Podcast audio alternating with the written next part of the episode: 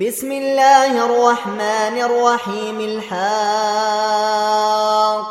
ما الحاقة وما أدراك ما الحاقة.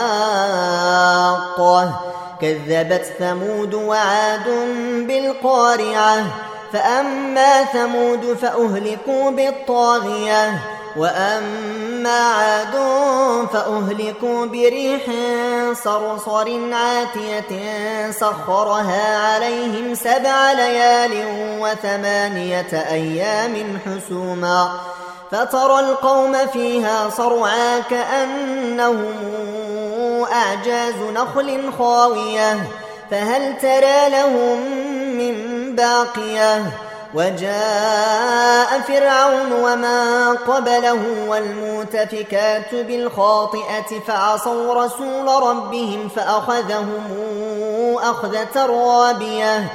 إنا لما طغى الماء حملناكم في الجارية لنجعلها لكم تذكرة وتعيها أذن واعية.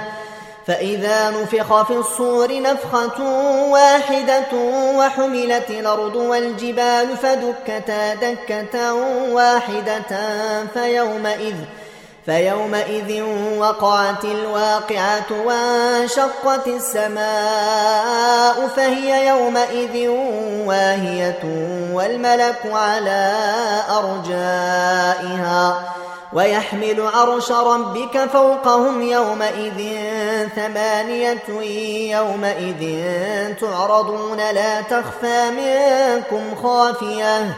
فأما من أوتي كتابه بيمينه فيقول هاؤم اقرءوا كتابيه. إني ظننت أني ملاق حسابيه.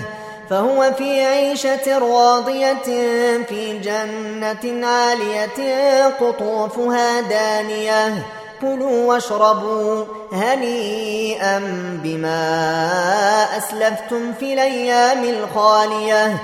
وأما من أوتي كتابه بشماله فيقول يا ليتني لموت كتابيه ولم أدر ما حسابيه. يا ليتها كانت القاضية ما أغنى عني مالية هلك عني سلطانية. خذوه فغلوه ثم الجحيم صلوه ثم في سلسلة ذرعها سبعون ذراعا فاسلكوه. إنه كان لا يؤمن بالله العظيم ولا يحض على طعام المسكين. فليس له اليوم هاهنا حميم ولا طعام إلا من غسلين لا يأكله إلا الخاطئون.